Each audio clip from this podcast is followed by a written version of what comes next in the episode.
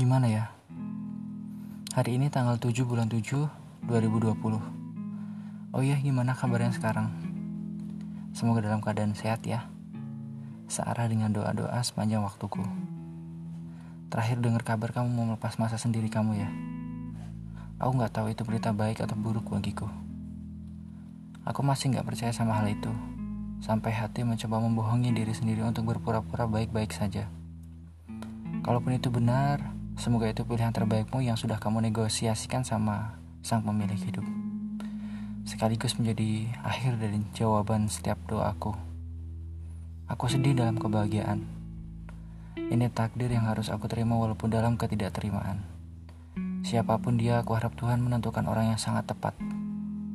Sakit menahan ini, aku berharap Tuhan segera menguatkan. Selamat untuk kamu dariku yang dulu pernah menjadi bagian dalam masa lalumu.